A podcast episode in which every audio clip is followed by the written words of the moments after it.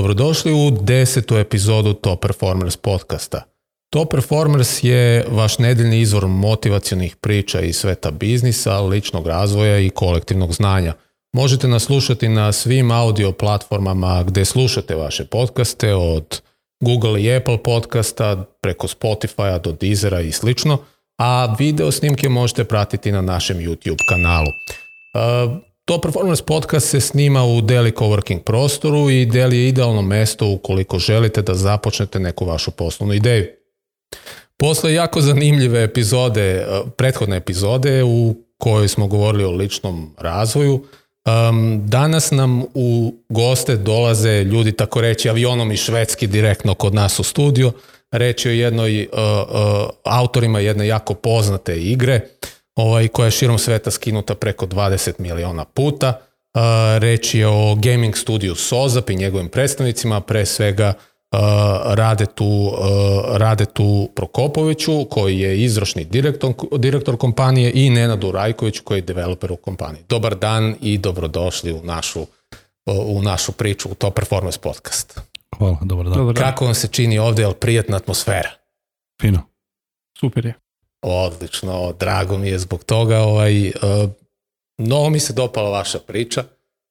Um, jako je zanimljiva. Um, ima tu različitih kombinacija. Naime, ti si rade treća generacija u, u Švedskoj. Ovaj, odatle si i pokrenuo sa svojim kolegama šveđanima ovu priču. Um, um, Sozap je sad već ozbiljna firma, prepoznatljiva. Uh, Vaša igrica je skinuta preko 20 miliona puta, to smo već rekli, a ono što me interesuje, uh, koji ljudi najviše maštaju da budu pljačkaši banke?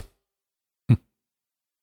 Pa nama su ovaj igrači po celom svetu. E, mislim da je Severna Amerika naše tržište i da Amerikancima se mislim najviše dopada. Ako bi. Njima se od nacije na Amerikancima se najviše dopada da pla, pljačku baki. Da. da. jasno, dobro, to je baš zadivljivo.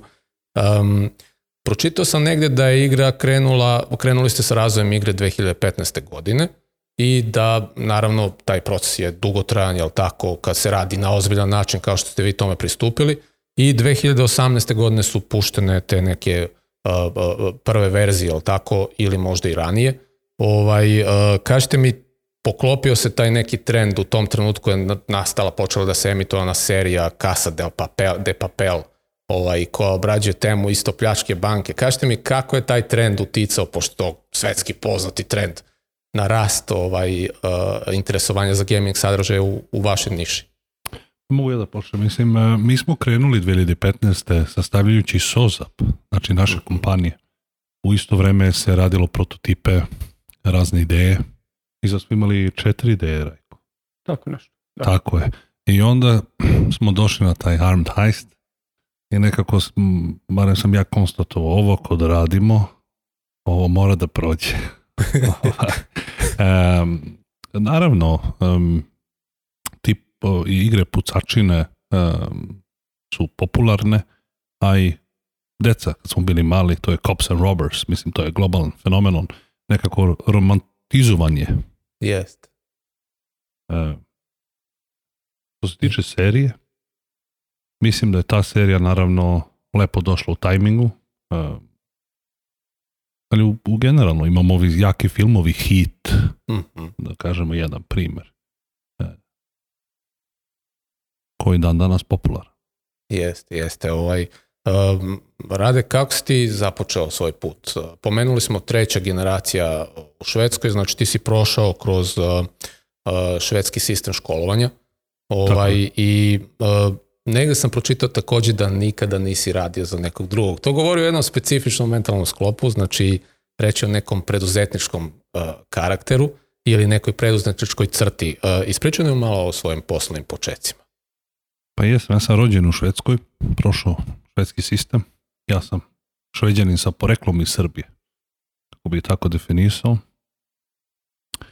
Ja sam posle škole, imao sam, ja sam radio dok sam se školovao, čistio sam. Aha. Jesam. Ovaj, ranim jutrama, posle škole sam krenuo jedne web, web agency, web kompanije i vidio sam da za mene nije to jedna bila opcija. Ja sam uvek želao da stvorim nešto više E, da imam end-to-end -end kontrolu na čime se bavim. I onda mi je prvi biznis bio uh, e, saloni za kvarcovanje, mislim da se to kaže. Mm -hmm, e, da, da, da. Sun tanning. Sun tanning, jeste tako da. i San Trope se zvalo. San Trope. Et, et. I tu mi je negde počelo da sam video, makar sam ja to mislio, da se razumem oko brendovanje, stvaranje neki brend, neki identitet produkta. Kvarcovanje nisam ja smislio. I isto sam uvek pokušao da budem malo lukav, e, efikasan u tom poslu. E, to su bili saloni koji su bili bez, e, bez radnici. Znači sve je bilo automatizovano. Mm-hmm. Platiš u broj koje sobe, kad uđeš ti upališ, očistiš po sebe i onda imamo čist, čistačicu ovaj, dva, tri puta dnevno. Mm-hmm. Efikasan biznis, bio je dobar. Ovaj, tu sam krenuo.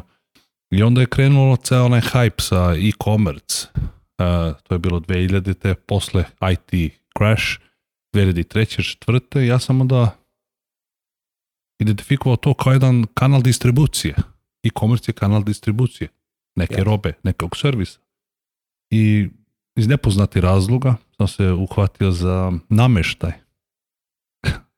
Nešto jako teško tada bilo slati preko, preko pošte. Da, da, da, da. da. Kabasto je. da, tako je. E, tu je počelo e, stvaranje e, Furniture Box, kompanije koja je danas među najjače kompanije u Skandinaviji što se tiče online tržišta nameštaja. taj brand sam ja napravio sa dvoje kolege stvorio kompaniju i tu počinje bi rekao neki globalan vid biznisa, poslovanja koje sam ja imao. Jasno, a šta se tu desilo? Znači ti si, tu postoji neka zanimljiva priča, u slobodno vreme si ti za vreme rada u kompaniji Furniture Box uh, ti si se interesovao za neku specifičnu temu, ovaj, košarkaške neke igrice. Da, video igre, pa dobro, to je bilo uh, neko vreme posle Furniture Boxa, ja sam nastavio uh, u nameštaj posao, e, pravići, fokusirati samo da stvaramo ideje da fizičkog produkta, znači puštili smo, prodali smo Furniture Box uh -huh. i nastavili smo da, da stvaramo nameštaj i dizajn nameštaja do faktičkog produkta i do, do mušterije. I onda sam vidio da je to malo teško E, skelovati globalno um, i gledao na sebe čime bi se ja teo baviti.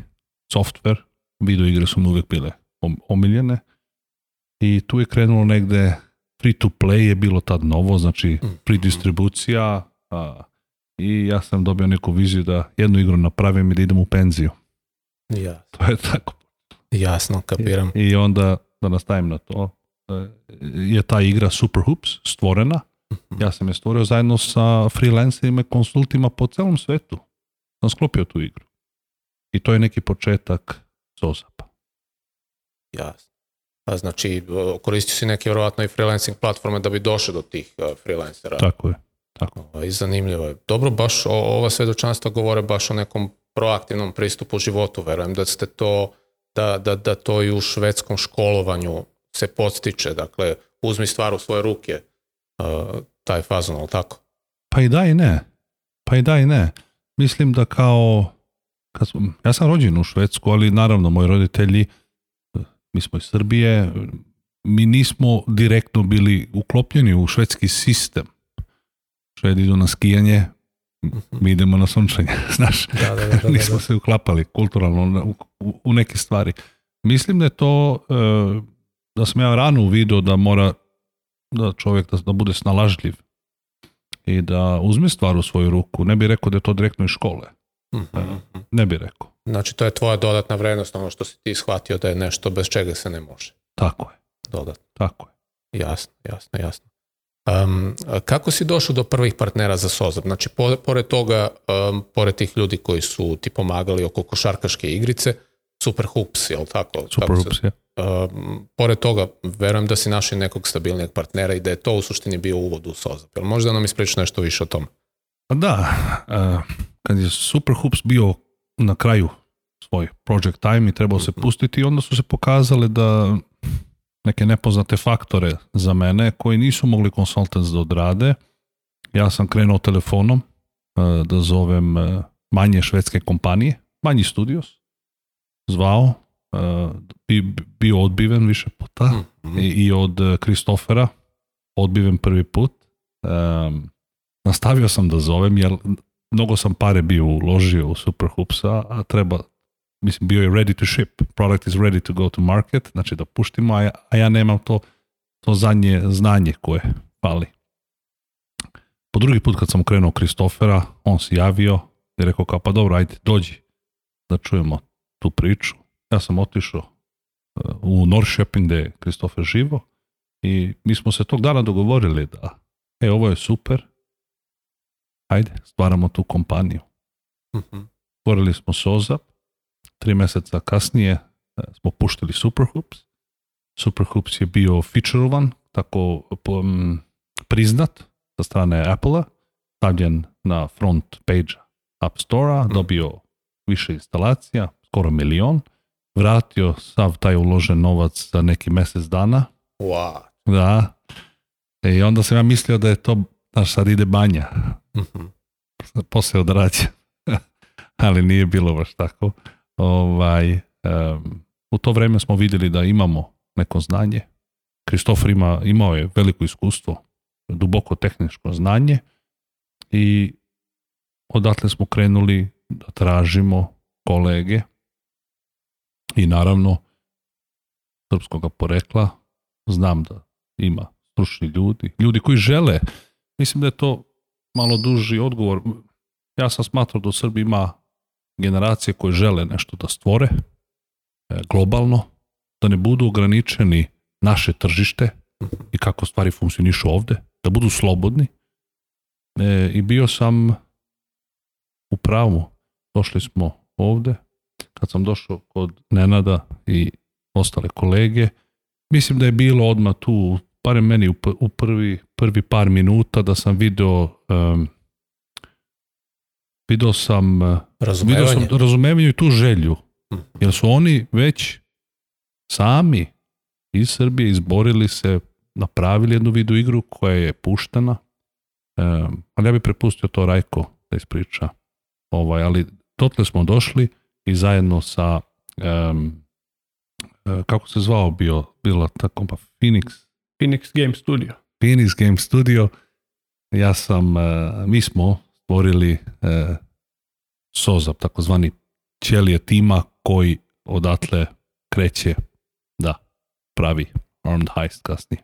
Jasno. Pa hoćeš ti Nenad da se, da se nadoveže sad za to kako se to, kako iz tog ugla izgledalo to iskustvo vaše saradnje? Pa može, u suštini što se mene lično tiče i te ekipe koje je bila oko mene, to su bile kolege sa fakulteta i ja se bavim video igrama još od 2008. godine. Tako da i za sebe sam imao par projekata, radili smo i na svojim projektima i radili smo za druge klijente. Imali smo par klijenata iz Beograda, radili smo i neki outsourcing i tako dalje. 2015. godine Rade je nama poslao mail da želi da se upoznamo um, tačnije možda čak to budem sigurno možda i tvoj brat je poslao taj mail, mi smo prihvatili, oni su došli tad kod nas u kancelariju, to je bio jedan stan manje više mhm. i u suštini on je tad ispričao svoju neku verziju priče, znači šta želi da postigne i šta želi da napravi uh, vezano za kompaniju Sozap Uh, mi smo tad još uvijek razmišljali u pravcu u kome ćemo da se krećemo, da kažem kao, kao ekipa i u suštini u jednom trenutku smo odlučili da, im, da mu se priključimo i to se ispostavilo da je vrlo kvalitetna i dobra odluka jer nakon toga saradnja je bila sasvim ok i sasvim korektna. Um, mi smo dobili u svemu tome kako da kažem, jedno razumevanje poslovanja koje ne postoji ovde u Srbiji. Jer e, teško je bilo, mi smo četvorica programera, hteli smo da pravimo video igre bez nekog razumevanja biznis strane, bez e, posjedovanja, na primjer, nekog budžeta ili, ajde da kažemo, e, ne znam, artista ili tako nešto ali pored toga smo uspevali nešto da napravimo i onda kad smo krenuli u zajedničku saradnju, tu su se sve kockice poklopile, znači Rade je taj koji je obezbedio sredstva, na nama je sad bilo onda zapravo da kreiramo video igru, mi smo krenuli sa 3-4 prototipa kao što je Rade rekao i na kraju je odlučeno da je zapravo Arm Heist taj koji ima najveći potencijal. Najviše šansi, da. Tako. To je u stvari bila prilika u suštini uh, ti si došao sa ponudom, to je neka vrsta bila prilike, prehvatili ste priliku. Moglo, moglo je da bude drugačije, da, da ispričamo pozadinu priču.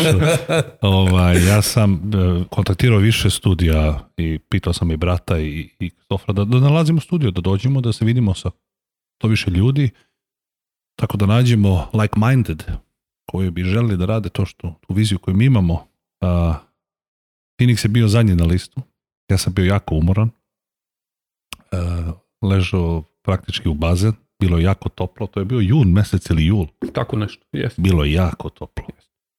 I onda sam ja razmišljao kao, možda sam ja ovde malo bio brz. Mm-hmm. Vratit ću se ja u Švedsku da razmislim nešto novo. I onda je moj brat rekao, pa ne može, nisi, nisi, nisi se vidio sa zadnjom kompanijom. Ne može sve kompanije dostave neki uticak, taj uticaj koji je bio u prehodnoj kompaniji, moraš, moraš da proguraš sve da prođemo.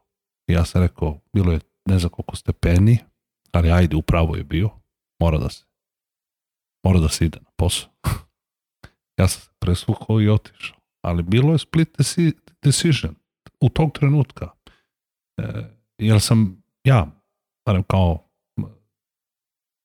ličnost, ponekad možda malo preemotivan. Mm -hmm. To je puno puta jako pozitivno. Možda neki put bi moglo da me spreči, ali možda me sprečilo nešto što ja ne znam ali to je bila takva jedna situacija. Je, baš zanimljivo, znači to je bilo u posljednji čas ona odluka. Tipa, ja, tako je bilo. Da nije bilo brata, možda bi drugačije se to odvilo. Jel? Možda bi bilo drugačije, tako je. I to je interesantno, pričat ćemo nadalje. Jasno, jasno, baš zanimljivo. Ovaj. Um, uh, vi ste razvijali tu igru uh, tri godine pre nego što je došlo do, do soft launcha. Uh, ovaj, iz kojih resursa ste finansirali te početne troškove? Znači, to je jako teško. Već tad ste imali koliko jedno, pet zaposlenih u Švedskoj, četiri ovde u Srbiji. Znači, kako ste vi to skupili? Odakle sredstva? Jer ste u stvari bootstrapping biznis. Znači, vi e, e, niste, e, nemate one angel investore i slično. Ovaj, kako ste izvojili sredstva ovaj, za, za taj start? Ako krenemo iz početka, te pare koje su finansirale Superhoops. Uh mhm. -huh. um, mhm.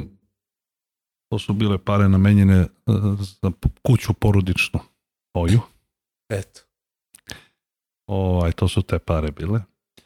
A onda kad su te pare vratile, ja sam dobio malo wings, krila, ovaj, opet te iste pare gurao napred.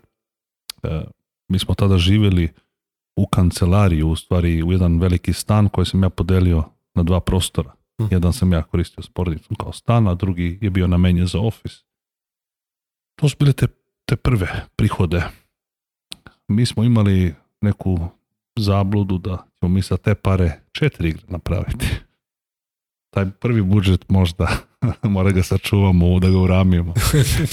Um, tu sam ja malo otišao na levo. Um, mm, video sam to na vreme i onda jesmo uh, tada e, prihvatili novac sa strane angel investora. Mm. Specifično dva investora. Mm. familija Palmefjord, švedska familija i familija Hellers, isto švedska porodica, koji su bili prijatelji moji. E, naravno, i te pare nisu bile dovoljne. I onda sam ja krenuo do da strukturiram našu kompaniju kao jedan investment case. Um, I tako je krenulo 2015. Mi danas, zadnja runda nam je bila u decembru prošle godine, e, pre-IPO. E, posle te runde smo imali neko da to, to 90 do 100 investitora u našu kompaniju. Vezano za to, na tu temu, mi smo sada u, u, u sredini E, subscription perioda našeg IPO-a, e, listovanje naše kompanije na Nasdaq First North u Štoholmu. Da. I hvala Bogu, 9. juna e, imat ćemo možda par hiljada investitora. Da, da, da, svaka čast pričat ćemo o tome nadalje, malo da. šire o, o izlasku vašem na švedsku berzu, ovaj, ali mnogo mi je zanimljiva ta priča u suštini prvo da je postojao rizik, Znači, e, određena osoba je preuzela, preuzela početni rizik na sebe, verovatno da je tu bilo i nekih privatnih trzavica, jer to nije prijatna stvar, ni malo, da biste došli do ovaj kasnije do nekih prvih investitora i sad do ove brojke koja je zaista ogromna. Pa mora, ovaj. mora da se kaže, da naravno, kad, kad čovjek veruje neku ideju, to je ok, kad potroši svoj novac u tu ideju i to je negde ok, ali kad uveri još 7-8 ljudi u tu ideju, i još takozvani angel investitori, to već postaje, to postaje neka, neka težina uveče pred spavanjem i ujutru pred polaska u tu misiju, pošto to jeste misija. Ali mora da se doda u našem slučaju, uvek mi je bilo, e, uvek sam nalazio support e, u mojim kolegama, jer u ti navrata, kad smo videli da budžeti nama se ne preklapaju se realnost, svako u našem timu, mora da se kaže, da se pohvali, je spuštio svoju platu. U tom periodu da bi omogućavao e, vreme, jer treba vreme naći novi investitori, treba vreme. Svaki put je tako bilo i mislim da je svako uzeo jedan rizik, angel investitori naravno, Ja naravno, a i svaki kolega koje, koji se pridruži u tu priču je rizikovao svoje vreme, jer vreme nam je ograničeno. Novac ide i dođe, nađe se, ne stane, ali vreme koje je uloženo sa strane svakog kolegu je nešto e, što ja poštujem i kuli, ako ne i više. Jasno. Baš je zanimljivo da ste imali takav e, pristup od strane zaposlene, znači da ste svi verovali u stvari u taj projekat, odnosno uspešnost, što se na kraju ispostavilo kao izuzetno dobra ovaj, projekcija. E, kad govorimo o, o načinima monetizacije gaming sadržaja e, ovakvog tipa gde vi inače nastupate, postoje više modela. E, ti si rade već pomenuo taj sistem koji je tebi bio primamljiv, znači free to play postoji, ako sam ja dobro razumeo, vaša igra ima i prihode od reklama unutar igrice, je li tako? Tako. Znači, nije samo free to play. Kad je reč o free to playu, vi imate vaše pakete, klasično, koje nudite igračima. Kako funkcioniše taj mehanizam unutar game mechanicsa, Nenade, da vi u suštini privolite vaše igrače koji su nesumnjivo zainteresovani za taj tip sadržaja, ali da ih prebacite dakle, iz ovog uh, slobodnog dela da oni požele da, da, da kupe vaše usluge. Pa to zapravo jeste najteže uraditi jer vrlo je teško napraviti jednu video igru koju mi nudimo igračima besplatno, a onda nakon toga očekujemo od njih da nešto kupe u našoj video igri. Um, I u suštini ono što jeste najbitnije jeste da u prvom tom, ajde, u prvom susretu sa video igrom njima se prvo dopadne video igra. Znači, to, to mora da se desi, u suprotnom nema ništa dalje od kupovine i monetizacije. Uh, to je znači neki prvi korak. Zapravo prvi korak nastaje i mnogo ranije kada oni vide prvo reklamu za vašu video igru, pa dođu na storu, pa instaliraju video videoigru, imaju određena očekivanja, ta očekivanja mora da budu ispunjena, onda da ih zadržimo u video igri i tek, da kažem, nakon određenog vremena, nakon celog tog procesa, mi smo u mogućnosti eventualno njima da ponudimo nešto što bi njima taj uh, uh, korisnički, ajde, da kažemo, užitak bio još bolji. Znači neki user experience da podignemo na još neki veći, veći nivo. Tako da kad jedna osoba kupi nešto u video igri, ona poželi zapravo i naredni put da ponovi tu svoju kupovinu. To i jeste, da kažemo, nešto što je najteže izvesti. E, svakako tu postoje razni mehanizmi, razne stvari koje mogu da se urade. Na primer, pored tih e, paketa koje mi prodajemo u vidu igri, postoje tu, na primer, specijalne ponude koje su ograničene vremenski, postoje sezone ili nešto što se zove season pass, e, isto kao što si rekao, tu je znači i zarada od video reklama, tako da generalno sve to treba biti dostupno korisniku, nenametljivo, da on stvarno poželi to da, da uzme kako bi njegovo, njegovo iskustvo bilo još bolje u video igri. Kaži mi Nenade ili obojica kako već ko ima pristup tim podacima, kome u suštini kon za sada u ovom trenutku globalno na tržištu, pošto imate pristup različitim mikrotržištima, ovaj, ko najbolje reaguje na te, uh, na te načine prodaje, da tako kažem? Pa u suštini e, zavisi, zavisi od video, video igre do video igre. Tu imamo i različite znači e, ciljne grupe. Imamo koje, koliko godina oni imaju, kog su pola, da li e, je igra namenjena muškarcima ili ženama. Um, Zatim, e, ima tu raznih stvari, da li je igra prilagođena nekom geografskom tržištu ili slično, ali što se konkretno Arp Heista tiče, kao što i Rade rekao na početku, on najviše, najviše odgovara američkoj publici, nama nekih 50% e, zarade dolazi sa američkog tržišta, jer oni su ti koji imaju razvijenu tu pop kulturu, mislim, i kroz filmovi, i kroz video igre, i oni su ti koji imaju tu naviku kupovine.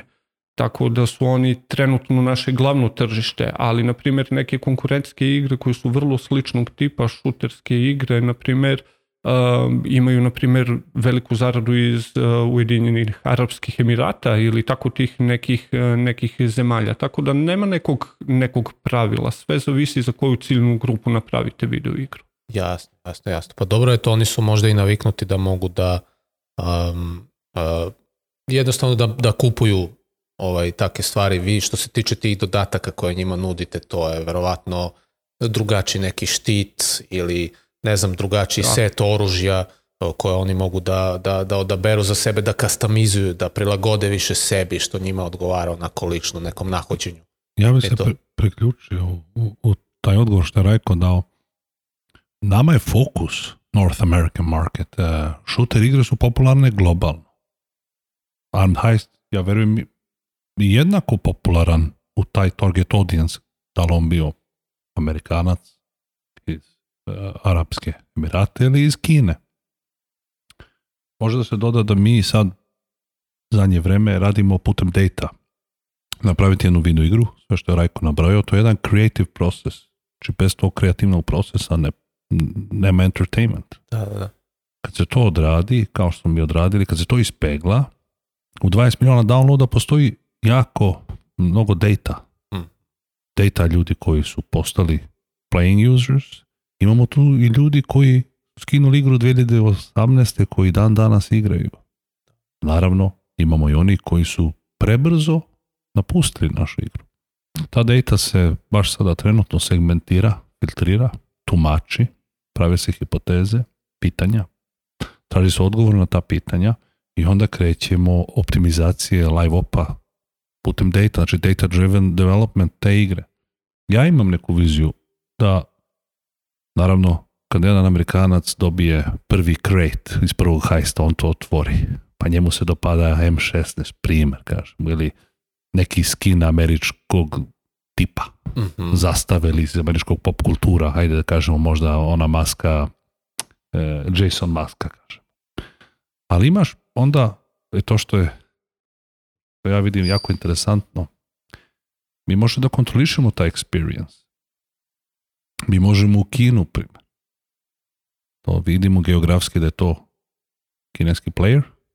Možda se njemu dopada Kalašnikov ili već tamo neki njihov proizvod. Možda neka, neki crveni skin. Da, da, da, da, da, da, da. I tako dalje. Da njemu bude što više dopadljiv. Sad sam baš malo generalizovao. Sigurno je tako da, se, da, se, da, da nije to baš vezano iz koje su zemlje, ali iz koje su kulture, te pop kulture. I taj posao sad kreće, e, optimizacija naše igre, da bude svima što e, dopadljivija. Jer taj retention, znači da se sviđa ljudima da oni ostaju, on ide pre svega. Ako ti igrači ostaju u igru, ti imaš vremena ti igrači da očitaš, da obraduješ, da, e, da formiraš igru i eventi oko njih i naravno na kraju, a da ih konvertiraš da budu paying useri. Jasno, jasno. Pomenuo si kreativni proces, da. da je on osnova svega, pa bih ja mnogo volao da mi malo tu pomenemo taj deo, kako ste vi prošli kroz taj period, znači kako ste za, kako je izgledalo većanje unutar vaše prvo u tom inicijalnom periodu od 2015. do 18. kad ste prvo odabrali Arm Heist, a onda i kako ste napravili uh, set tih soba, opterećenja za igrače, kako ste vagali, koje opterećenje staviti, koje ne, šta će ih možda odbiti, Kako je izgledao taj proces? Možda možete da mi opišete. Ovaj. Ja, ću, ja ću na IP rekao, pa možeš ti na ovu tehničku stranu. Može. Oni idu ruku u ruku. Pa naravno, e, ograničeni smo mobilnom platformom. Rekao, krenemo sa samo ime. Projekat se zvao Batman. Uh mhm. -huh. Project da. name naše igre. Ovaj, malo smo tu krenuli uh, od kraja, pa se vratili na početak. E, samo ime, sam ja IP, uh, e, nije imalo ni resursa, ni vremena da se to kreativno, da se kreira taj nek, ne, neko, neko vreme taj, koje treba za kreativan proces, da bi to bilo uh, svoje najbolje. Nego smo mi tu između samog developmenta se vraćali kad je stizalo vreme da vidimo što šta je to što mi pravimo. To nam je malo ovo ovaj, je bilo e, negativno. To tako ne radimo danas naravno, e, ali trebalo se odvojiti resursa. Mi smo imali ti resursa koje smo imali, resursa novcem, samim budžetom, ljudima i onda, da da vam da reći, Rajku, tehničkoj platformi gde je odrađen posao par excellence, Pa što se te tiče tehničkog dela, mislim, moram da kažem da je tu isto bilo dosta eksperimentisanja i lutanja, jer naravno, pošto smo bili e, nova kompanija, hteli smo da budemo prepoznatljivi isto kao i inovativna kompanija, inovativni tim i dosta je bilo prototipovanje i eksperimentisanja sa samim kontrolama, gameplayem i jednostavno tu smo prošli kroz više faza ne mogu reći sad u kom trenutku se odlučilo šta, jer jednostavno to je nešto što je neopipljivo, ali bilo je bukvalno ajde da probamo ovo, da implementiramo ovu stvar, ovu stvar, pa onda to. Vidimo kako funkcioniše i vidimo da li smo pogodili to što smo hteli. Inače, hteli smo, ako skinete našu video igru, mislim, mm -hmm. igrali ste. Je, skino. Osećaj postoji u njoj, znači nešto specijalno što se tiče samog gameplaya, to je nešto što mi zovemo magic dust, magična prašina, mm -hmm. to je taj neki osjećaj um, samog pucanja u našoj video igri. Mi smo dosta na tome radili, znači to su svi detalji i sitnice koji su, znači, prisutni, kao, ja sad kad bi počeo da napravim, to, bi, to bi potrajalo od, ne znam, da, da, da. kontrole kamere do, ne znam, um, uh, senzitivitija, koliko brzo se pokreće igrač kad nišani preko neprijatelji, tako tih nekih stvari. Tako da je tu stvarno bilo dosta, dosta eksperimentisanja, ali na kraju krajeva izašli smo na pravi put i mislim da smo napravili baš jedan dobar osjećaj u samom gameplayu. Jeste, ja sam skinuo tu igru. Naravno nisam ja neki relevantan ovaj faktor ovaj, u ocenjivanju toga, ali postoji zaista jako lep osjećaj um, renderi soba, odnosno renderi prostora u kome se radnja odvija su zaista odlučni osjećaj uh, uh, boravka u tom prostoru je odličan, odziv je takođe odličan na sve komande, znači za, grafika takođe ovaj, stvarno ono, mislim, s obzirom na ograničenja koje si rekao rade na mobilne platforme, na, uh, nije to, ne možete vi da spakujete 50 GB nečega u tu igricu, nego ovaj, tako da je pa, to ekstra. Jel Svarno. mogu ja samo? Moslovno. Ono, ono što se trudimo u, u Sozapu jeste da je kvalitet na prvom mestu. Znači, inače, um, i igre prethodne na kojima sam radio, meni je bitno znači ceo taj kvalitet. Nije nam bitno znači čak ni, ni vreme izrade, da li će da bude malo duže ili kraće, ali je bitno da mi to napravimo kvalitetno kako treba i da budemo ponosni, ponosni na to, da svako može svojim imenom da stane mhm. iza tog proizvoda i da kaže ovo sam ja napravio. I odatle zapravo potičemo i mislim da je to naše, da kažemo, naša prednost u, u svemu tome i u industriji video igara. Jest, jest. Ja bi, ja bi dodao uh mhm. -huh. na to da ograničenje na mobilnom 2015. nisu postajale shooter igre koji su danas household names, PUBG, Fortnite, tako dalje na mobilni. Mi smo prvo i prvo kao kompanija, mora da se kaže, jako predvidjeli situaciju da smo rekli, ok, devices idu naravno napred, performance, videlo se. E, znali smo i da ekrani postaju sa higher resolution, to je u jednu stvaru procesor je jači, ali pošto stavljaju bolje ekrani zato što se prioritizuje slikanje telefonom, ti onda u stvari dobivaš telefoni koji su jači, ali više zahtevni samog ekrana. Tu su velike, da ne ulazimo te detalje, ali smo ujedno isto videli da igrači su navikavaju na veći cognitive load. Razliku od hajsta primjeri Angry Birdsa, pa dve su mobilne video igre, jeste velika tehnička razlika, ali i velika razlika od samog igrača. Koliko njega se traži, koliko stvarno on treba da fokusira. Na, na. E, i, i, I smatram da smo kombinacija, znači performance, koda, kvaliteta, feeling same video igre, e, te odluke koje su se vršile ja sam jako ponosan e, da smo mi odradili kao SOZAP. Naravno, danas sa ti resursi koji imamo, iskustva, resursa, e, naredni hajst. Sljedeća igra će sljedeći, biti čudo. Sljedeći hajst ima da floatuje. da, da, da, pa dobro, ima to i nekih drugih ovaj, um, uh, igara koje vi planirate, ali to ćemo malo kasnije. Um, da pređemo na jedan sad ovaj deo kad ste, ok, shvatili ste igrica će e, imati jednu uzlaznu putanju, Ovaj, e, kada je bio taj trenutak kad ste shvatili da vam treba proširiti, znači da proširite broj zaposlenih, e, da jednostavno um, je došlo vreme da, uh, da i neki drugi sektori koji su možda bili bez konkretnog lica koje se time bavilo, da kad ste shvatili da je trenutak da, da uključite nove ljude? ovako mm, organizacija, mi smo bili desetoro ljudi, napravili i SOZAP i Armed Heist. Nenad je krenuo kao developer, ali mislim da smo, mi smo videli da da nama treba više resursa, treba više ljudi, ali šta prvo, chicken or the egg, mm. proizvod mora da završimo, mora da pokažemo da je to nešto vredno ulagati. To smo radili paralelno mogu da kažem, Nenad je bio lead developer ovde na Armed Heista, paralelno lead developer naše organizacije u Srbiji. Da, da. Znači, mi smo činili čuda, svako imao po par kapa da stavi nevno. E, znali smo mi da smo ušli duboko. Jasno. Deset ljudi na jednu takvu igru nije, to se tako ne radi, ali eto, odradili smo.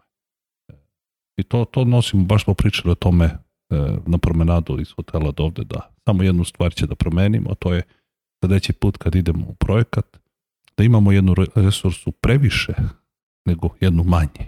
Da. A sve resto nam je bilo super i to nosimo sa nas dalje. To je iskustvo, da. kako ti misliš, ovaj, šta, šta ti kažeš na to, Nena?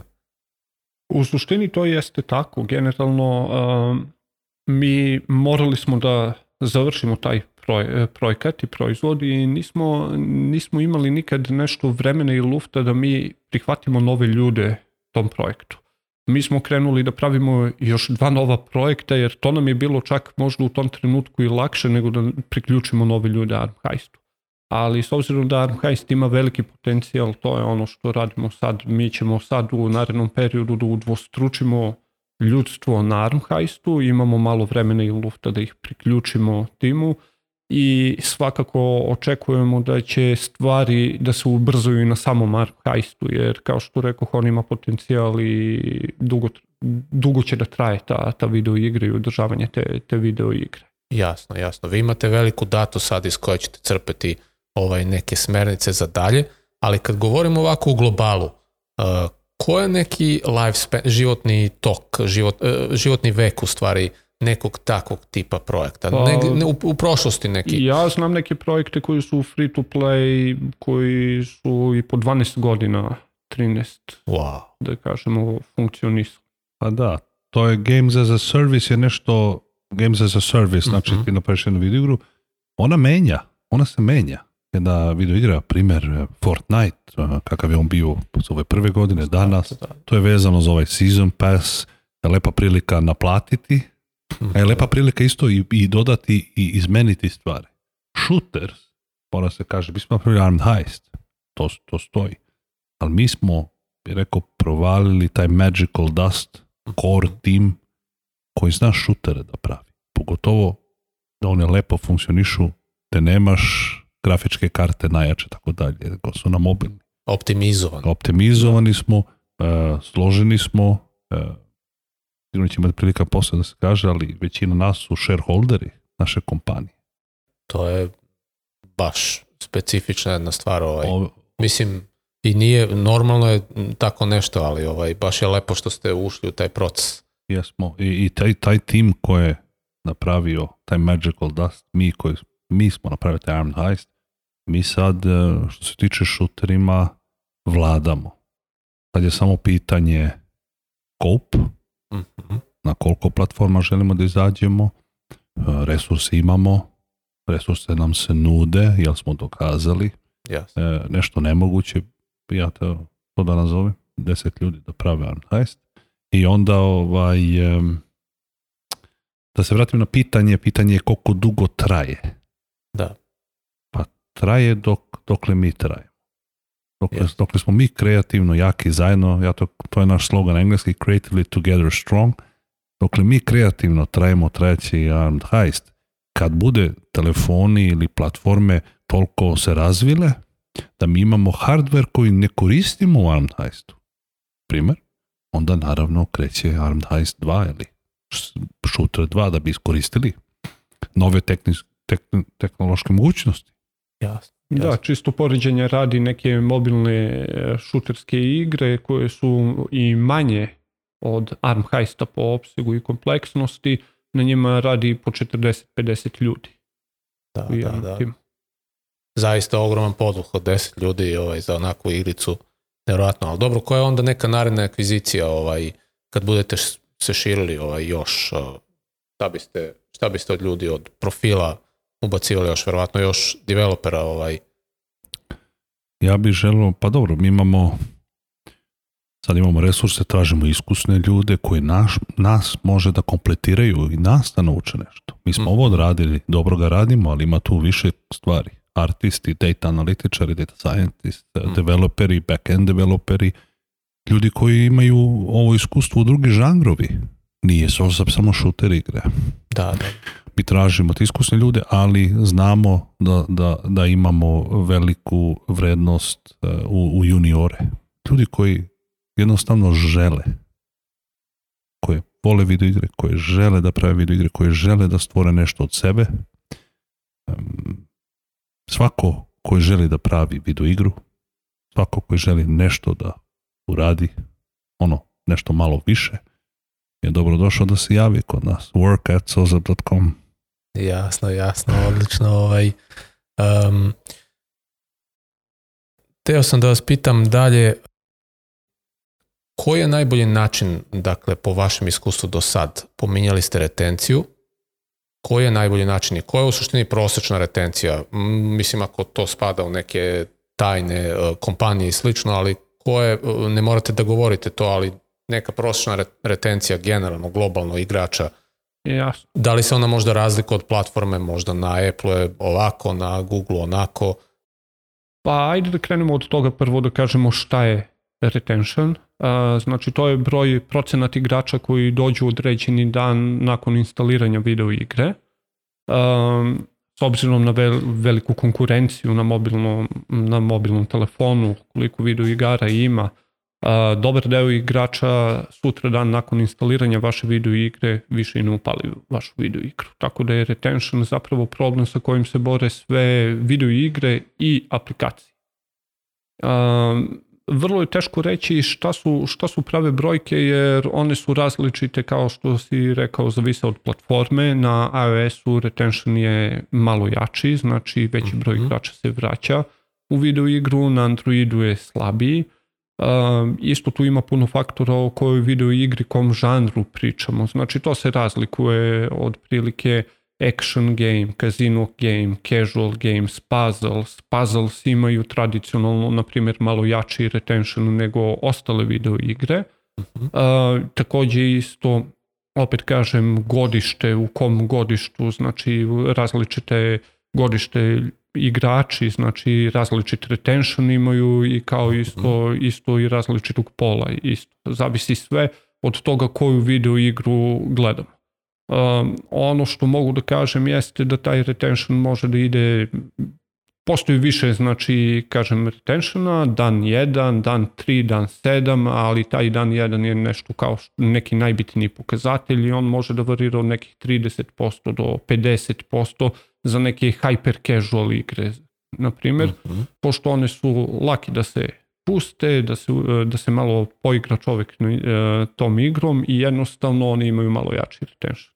Hyper casual igre, to su igre one um, uh, traženje, ne znam, iz, izgubljenih, ne znam sad, nisam ja baš vešt mm, igrač. Uh, ne, brzo, brzo spada u rol. Hyper casual igre su igre koje koje baš hyper casual upališ i posle 5 sekundi znaš šta trebaš da radiš da, i da, posle da. 10 sekundi vidiš da. da li je to zanimljivo i obično koliko ti je zanimljivo ima, ima jak retention profil, primer, prve 30, 30 dana, ali se i to, toliko brzo i zaboravi, jer ne nosi sa sobom neki IP, neke emocije, mhm. generalno pričano. Da se uključi samo na što je Rajko rekao, u pitanju su profil E, u pitanje to kreće sa sami proizvod, znači profil proizvoda. E, mobilno tržište abundant imaš, ne znam, milion, milione aplikacije video igara i mi se borimo za vreme ti korisnici.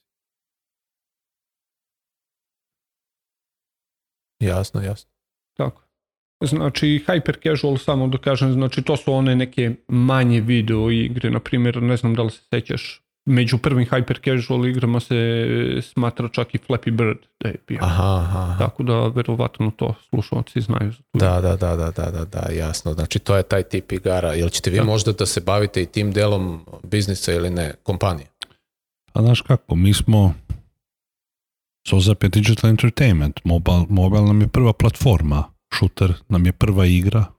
Shooter igre su veliki projekti mislim da je jedan deo našeg razvijanja rasta i da ljudi uđu, e, da osete neki uspeh. Neki, mhm. mislim, malo da bude to, da ne, da ne treba tri godine da, da se ljudi ovaj, ispeku, da, da postanu malo iskusni. Mislim da naravno treba da ubacimo uh, sve vrste projekte. Hyper Casual je interesantan zato što sa sobom nosi m, mislim 20 miliona downloada za jedne Hyper Casual igre nije isto kao 20 miliona downloada za Armed Heist. Da, da, da. da. Manje su igre, brže se skidaju, brže se šire, e, jeftinije prolaze generalno reklama za njih i tako dalje, ali nose sa sobom mnogo data. Nose sa sebe mnogo data. Mi smo uvidjeli to, nije bilo u, u, u Sozapu u naši ground pillars, kad smo startovali kompaniju, sad jeste jedan veliki deo, e, mi se vodimo putem data jednu ili dve hyper casual. Če da vidimo, vidjet ćemo. da. Vidjet ćemo.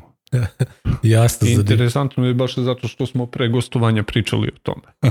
eto, eto, baš lepo. Pa dobro, ovaj, ali to je kao u svakom biznisu. Vi uđite sa jednom idejom, a onda vas informacije koje sa trži, feedback koji dobijate od vaših klijenata vas menja. U suštini on je realni i bolje opisuje tržište nego vaša pretpostavka. Tako da ovaj, u svakom slučaju da je bolje da, da, da smo što objektivniji kad pristupamo u tržištu. Tako je, pa u suštini, e, mislim, stvaranje jedne video igre jeste kreativan proces, ali na kraju krajeva krajnji sud donosi igrači. To što mi u timu mislimo da je dobro, o tome će da kažu zapravo igrači. Jedno je stvar kad mi igramo prototip e, u kancelariji, a totalno druga stvar kad tu video igru skine 10.000 korisnika. Da, da. Tako da u suštini oni su ti koji zapravo kažu da li to dobro ili ne. Ali verovatno da je vama osjećaj bio tipa kad se poklopilo to tipa prvi milion, ono tipa wow, znači da to je to, nema dalje. Ono. Da, e, e, Rajko, mislim, data, naravno, data kaže mnogo, treba se razume data, treba se tumačiti na prav način i to je jedan science samo sobom. Da. Ali ja mogu da kažem iz mog prošlog e, poslovanja što sam razvio jako uspešnu kompaniju gde mi imamo ideje nameštaja. So we have a design idea za, kažemo, jednu stolicu ili jednu sofu. To je jedna ideja. I mora da tu nema soft launch, nema tu da mi nekako virtualno puštimo pa da vidimo šta kaže tržište, jel tako? Mi to mora da proizvedemo, da investiramo i vremena i novac, mnogo novca, pušti se na tržištu i ima uspeha ili nema uspeha. Taj posao za mene jer sam ja tu art direktor bio zadnje mhm. vreme i danas nosim tu neku funkciju, taj takozvani art direktor, koji treba da zna, koji treba da bude u pravu kad odabere dizajn. E, vidim u šuter igre ili u ig, kao jednu igru koju si odradio i provališ, kad imaš dejtu, ali si vuk odluke, kad ti dobiješ e, odgovor na te, na te kreativne e, sesije koje smo mi imali, mi imamo kreativnu sesiju i dajte da pa kaže da smo mi bili u pravu. E, onda mi kažeš, onda dobiješ neki osjećaj, aha, znači, nađeš tempo i onda naša misija je da uz tu dejtu nađemo taj tempo, taj ritam. Da, da, da. Jel nije to tako da ti napraviš sad jednu video igru tri godine, pa posle sve menjaš putem dejtu. Da, da, da, Mislim da neće prođi budžet taj dobro. Mislim neće to, dobro, ali u suštini neće. ako ste vi ispred, ako vi uhvatite tempo, u suštini vi ste ispred, Tako korak je. ispred i to je u stvari vaš cilj, vi želite da budete korak ispred. Tako je. Ne samo za ovaj projekat, nego i za bilo koji za drugi. Za bilo koji projekat. I mislim da taj, e, taj, e, kako se kaže ta reč, izvinite, e, kad imaš, kad znaš da znaš, kad, kad imaš osjećaj da ja znam odgovor, to inspiriše i, i, i stare kolege i nove kolege.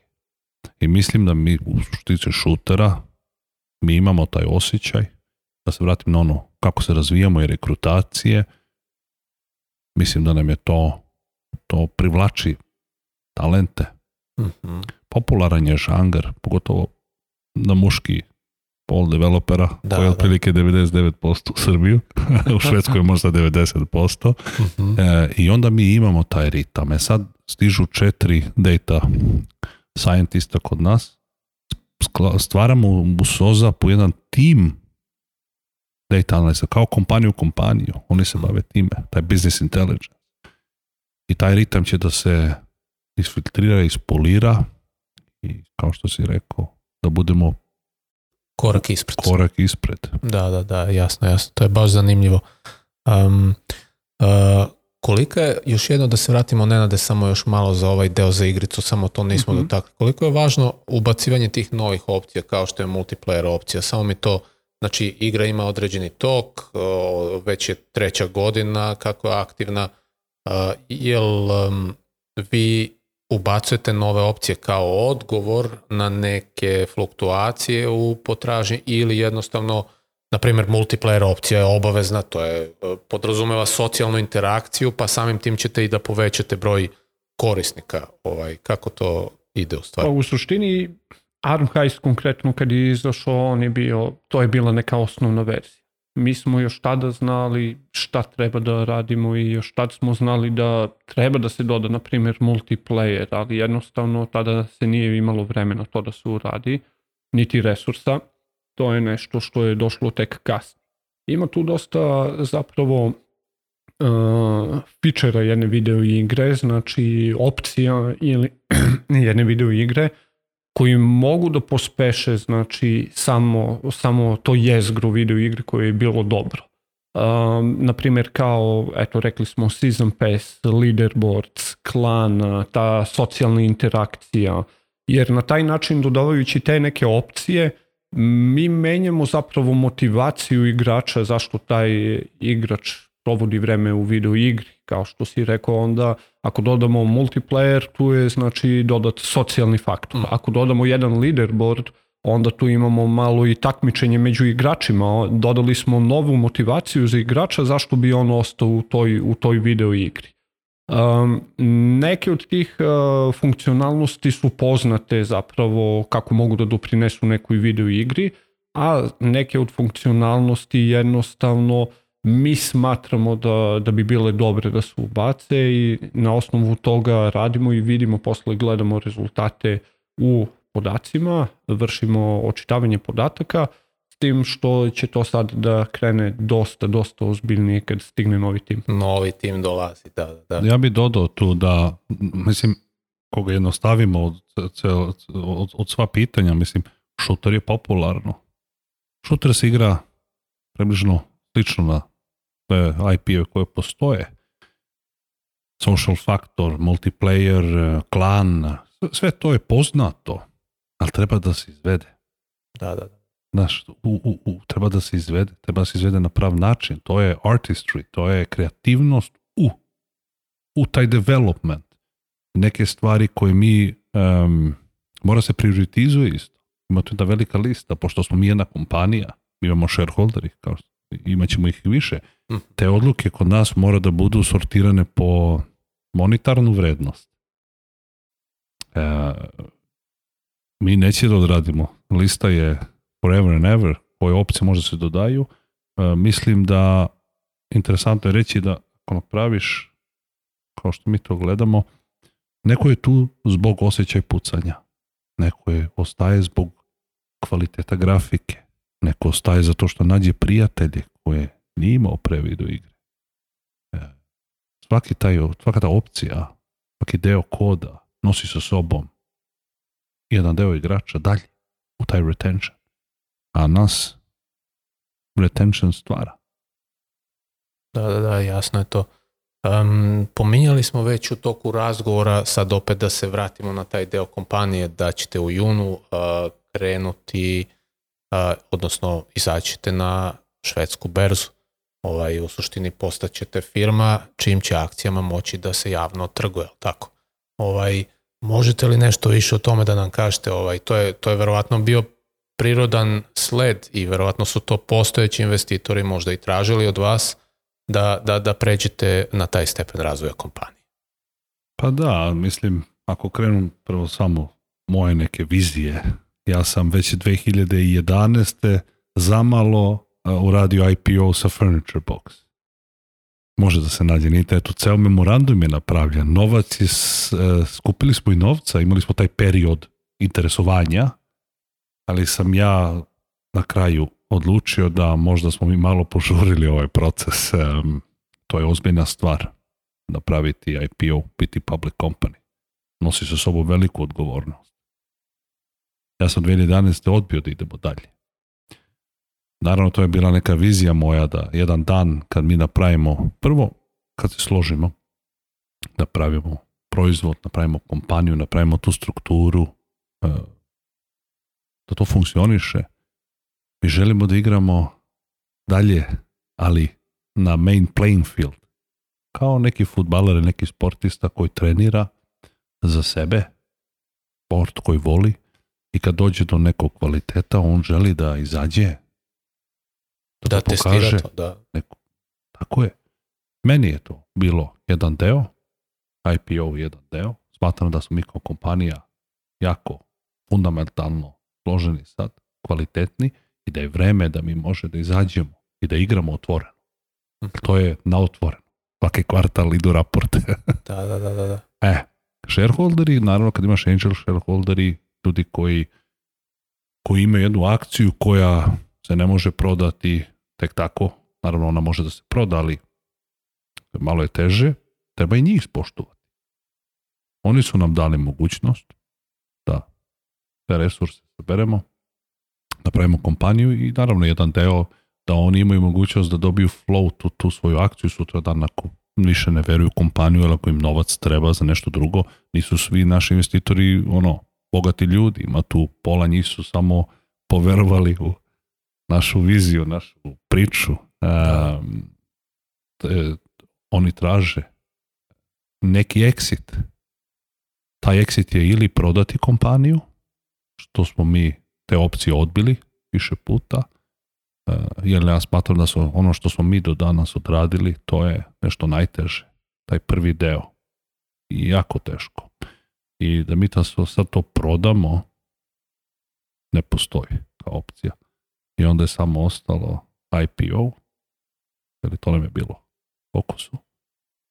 I evo, sad je subscription period od 31. maja i 9.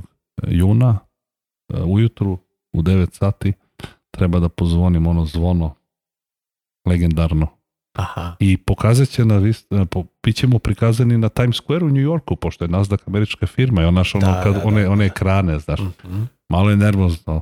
E, pošto su mi sad dali opciju da biram da to zvono da stavim zbog korone, ne ide se više unutra u Nasdaq e, office, Aha. jer se tu to radi inače, nego su rekli kao, pa evo opcija kao gde da ti pošaljemo zvono. e, sad ja još nisam to rešio, e, vidjet ćemo ali dobro, dobro, tripo. U, u izvesnom smislu, ok, postoje neki, to je prirodan tok kretanja preduzeća, svakog ko je orijentisano, mislim, svakog preduzeća koje je orijentisano ka tržištu, ovaj, ali u isto vreme i verovatno dobar osjećaj. Znači, vaš projekat u stvari izlazi na berzu, odnosno vaša kompanija. Pa da, uopšte nije mali osjećaj. Nije, nije. Ja, e, e, Mi smo, znaš, baš popričali na putu ovde, mi smo pisali jedan, jednu sagu, 2015. je krenula, jedna fina saga, samo te pet godina možda bude jedan film i par knjige bi ja rekao. Mhm. I onda sad idemo dalje i vidimo da sad se piše neka nova saga. A, kao neki sequel Sozapa, znaš. A, jeste, velika je to stvar. Ja to gledam, emo, emo, emocije naravno Zozap uh, je svoj, svoj entitet, to je svoja kompanija, ona ima dužnosti, ima tu board direktora, uh, ali ja sam majority shareholder još uvek. Uh, tu su moje, kako sam rekao, ono prve pare odvojene da, da. umesto kuću u tu kompaniju. Da, malo je malo je fan, da rekao fantastičan je osjećaj stvoriti nešto zajedno sa drugi ljudi i doći do, do te do tog nivoa berze. Yes, Jasne, da, Čestitam vam na tome, stvarno Hvala. svaka vam čast, Hvala. ovaj, uh, zaista zanimljiva priča. Um, hteo bih samo da se dotaknemo još jednog dela, znači vi imate ogranak u Švedskoj i ogranak u Srbiji, ogranak u Srbiji ovde radi unutar uh, naučno-tehnološkog parka u Nišu, uh, pa možete da podelite s nama kakvi su utisci rada tamo, kakvi su uslovi rada, uh, ovaj, da, li, uh, uh, da li ste zadovoljni, da li uh, ispunjavate sve vaše potrebe tamo. Da, pa uslovi su fenomenalni, bolje nego što sam očekivao. Ekipa koja vodi naučno-tehnološki park je isto super, imamo super saradnju sa njima. Uh, oni rade na tome da se kompanije međusobno umreže, upoznaju, rade na tome aktivno i to je isto, ja mislim, jedan uh, jedan super gest, e, znači predstavljamo svoje kompanije, upoznajemo druge ljude, upoznajemo ljude iz startupa, znači to su ljudi koji tek kreću uh, sa svojim poduhvatima i sa svojim sagama što bi, što bi rad rekao. Mm -hmm.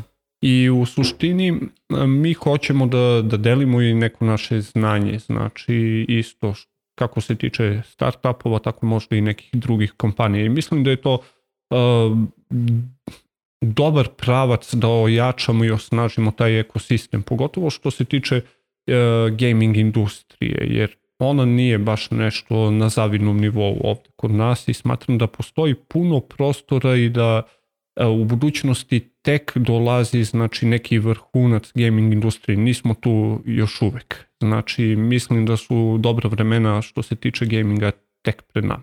Da tek predstoje. Tako tako i u to sam ubeđen. A dobro, i u jednoj kratkoj rečenici kad si rekao to ovaj, dobra vremena slede, samo ono neki highlight šta je sledeći uh, hype? U što se tiče? Gaming. Šta je sledeći hype? Aj, šta je, koja je pa projekcija? mm?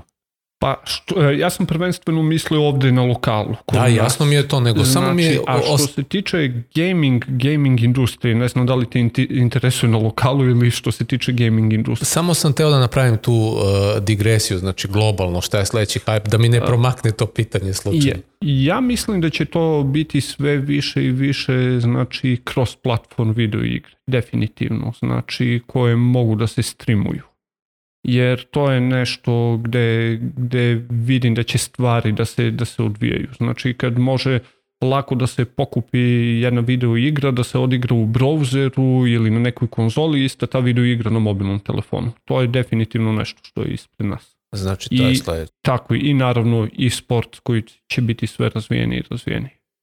Jasno.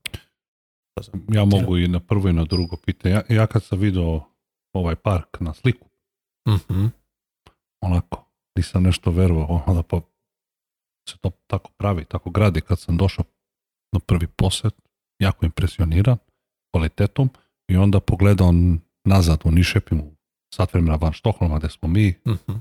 ta naša opština, koje opcije mi imamo i onda sam uvidio, čekaj, ti Srbija nije da nas je prešla što se tiče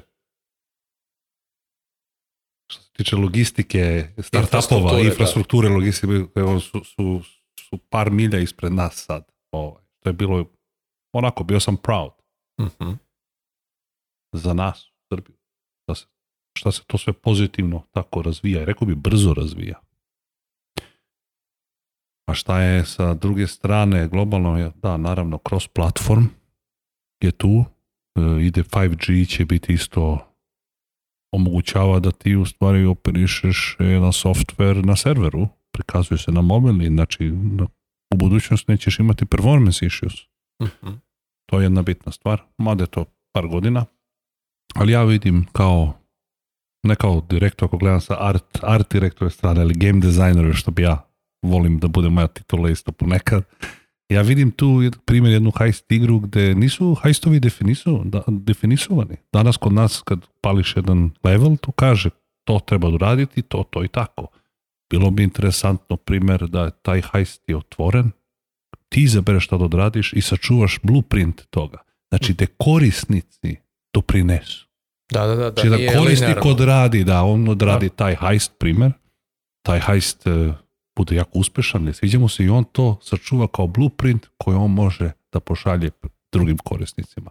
Znači, učestvovanje korisnici u ceo kreativan deo. To se vidi u Minecraftu, mm. u mhm. Robloxu, E, ali ne vidi se u šuter igrama još. Da, da, da. Opet PUBG, Forte, to su već definisane igre. Mm -hmm. Ja vidim tamo, pričamo o video igre, šuter igre, gde useri budu jedan deo definisanja šta se tu radi. Da, da, user generated content, Tako. maps i ostalo. Tako. Ovaj, um, uh, izlazi vam uskoro uh, iz ove launch, uh, soft launch faze jedna igrica, ona se zove Legends of Libra, one, ona spada u, u, u drugu vrstu, ovaj, eh, jel ona može da se nazove, kako smo rekli, Pa casual. ja, ja bi nazvao casual. Casual. Tako. Znači tako, to, je, tako. to je ta igrica. Ovaj, kakvi su podaci koje ste skupili iz prvih uh, koliko već ona, koliko je dostupna u soft launch? Pa dosta dugo, pa nekih jedno, godinu dana. Godinu dana. Tako, I tako. bila je prisutna vjerojatno na neki 5-6 tržišta. Tako. Oj, ovaj, šta ste prikupili do sad? Jel, jeste se koristili tu uh, datom u, u realnom vremenu? Znači šta ste skupljali sa tih 5-6 tržišta da primenjujete dalje na? A pa dobro, uh, Legends of Libra je rađena, to je nova ćelija, nov tim rekrutiran bio. Uh mhm.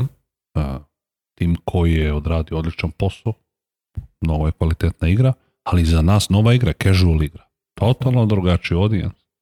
Naravno, primenjujemo backend temovi, analitike, statistike, razumevanja te KPIs koje nama stižu, uh, retention, conversion, se, du, du, dužine sesije.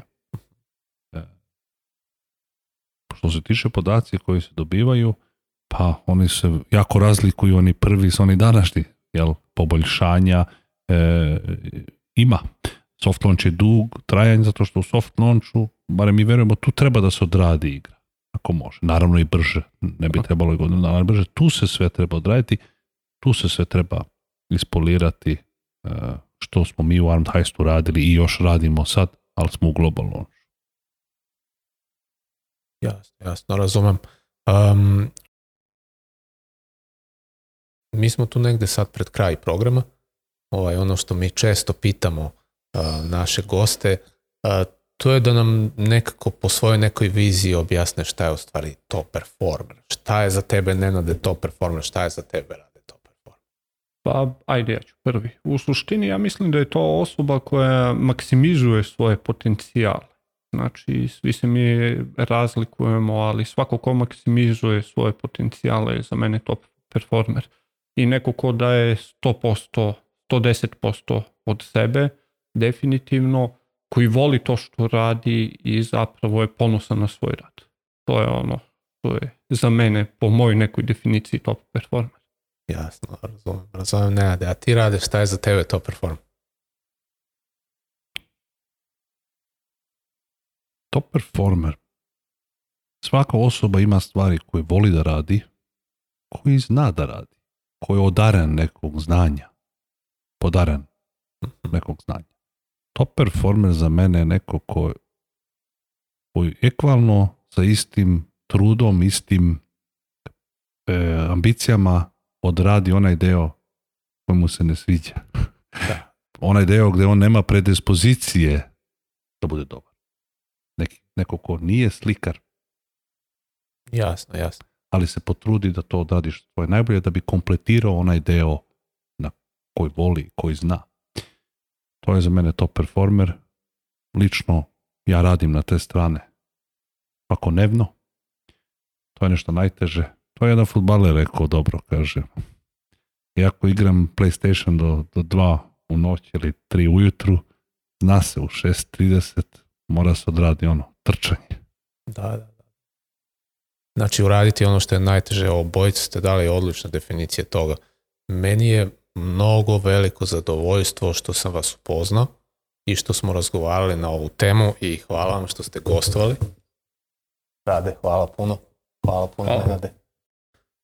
Uh, poštovani slušalci, poštovani gledalci, bila ovo još jedna epizoda Top Performers podcasta. Hvala, hvala vam što nas gledate. Uh, kao što znate, ovaj, ako ste došli do kraja, E, možete nas zapratiti na e, podcasting platformama, možete nam ostaviti neki review na Apple podcastu ovaj, ili zapratiti na Google podcastu, Deezeru, Spotifyu, video materijale, možete se zapratiti, e, zapratiti naš YouTube kanal i to je to, to bi bilo to za ovu desetu epizodu, jubilarnu da tako kažem. Slušamo se uskoro.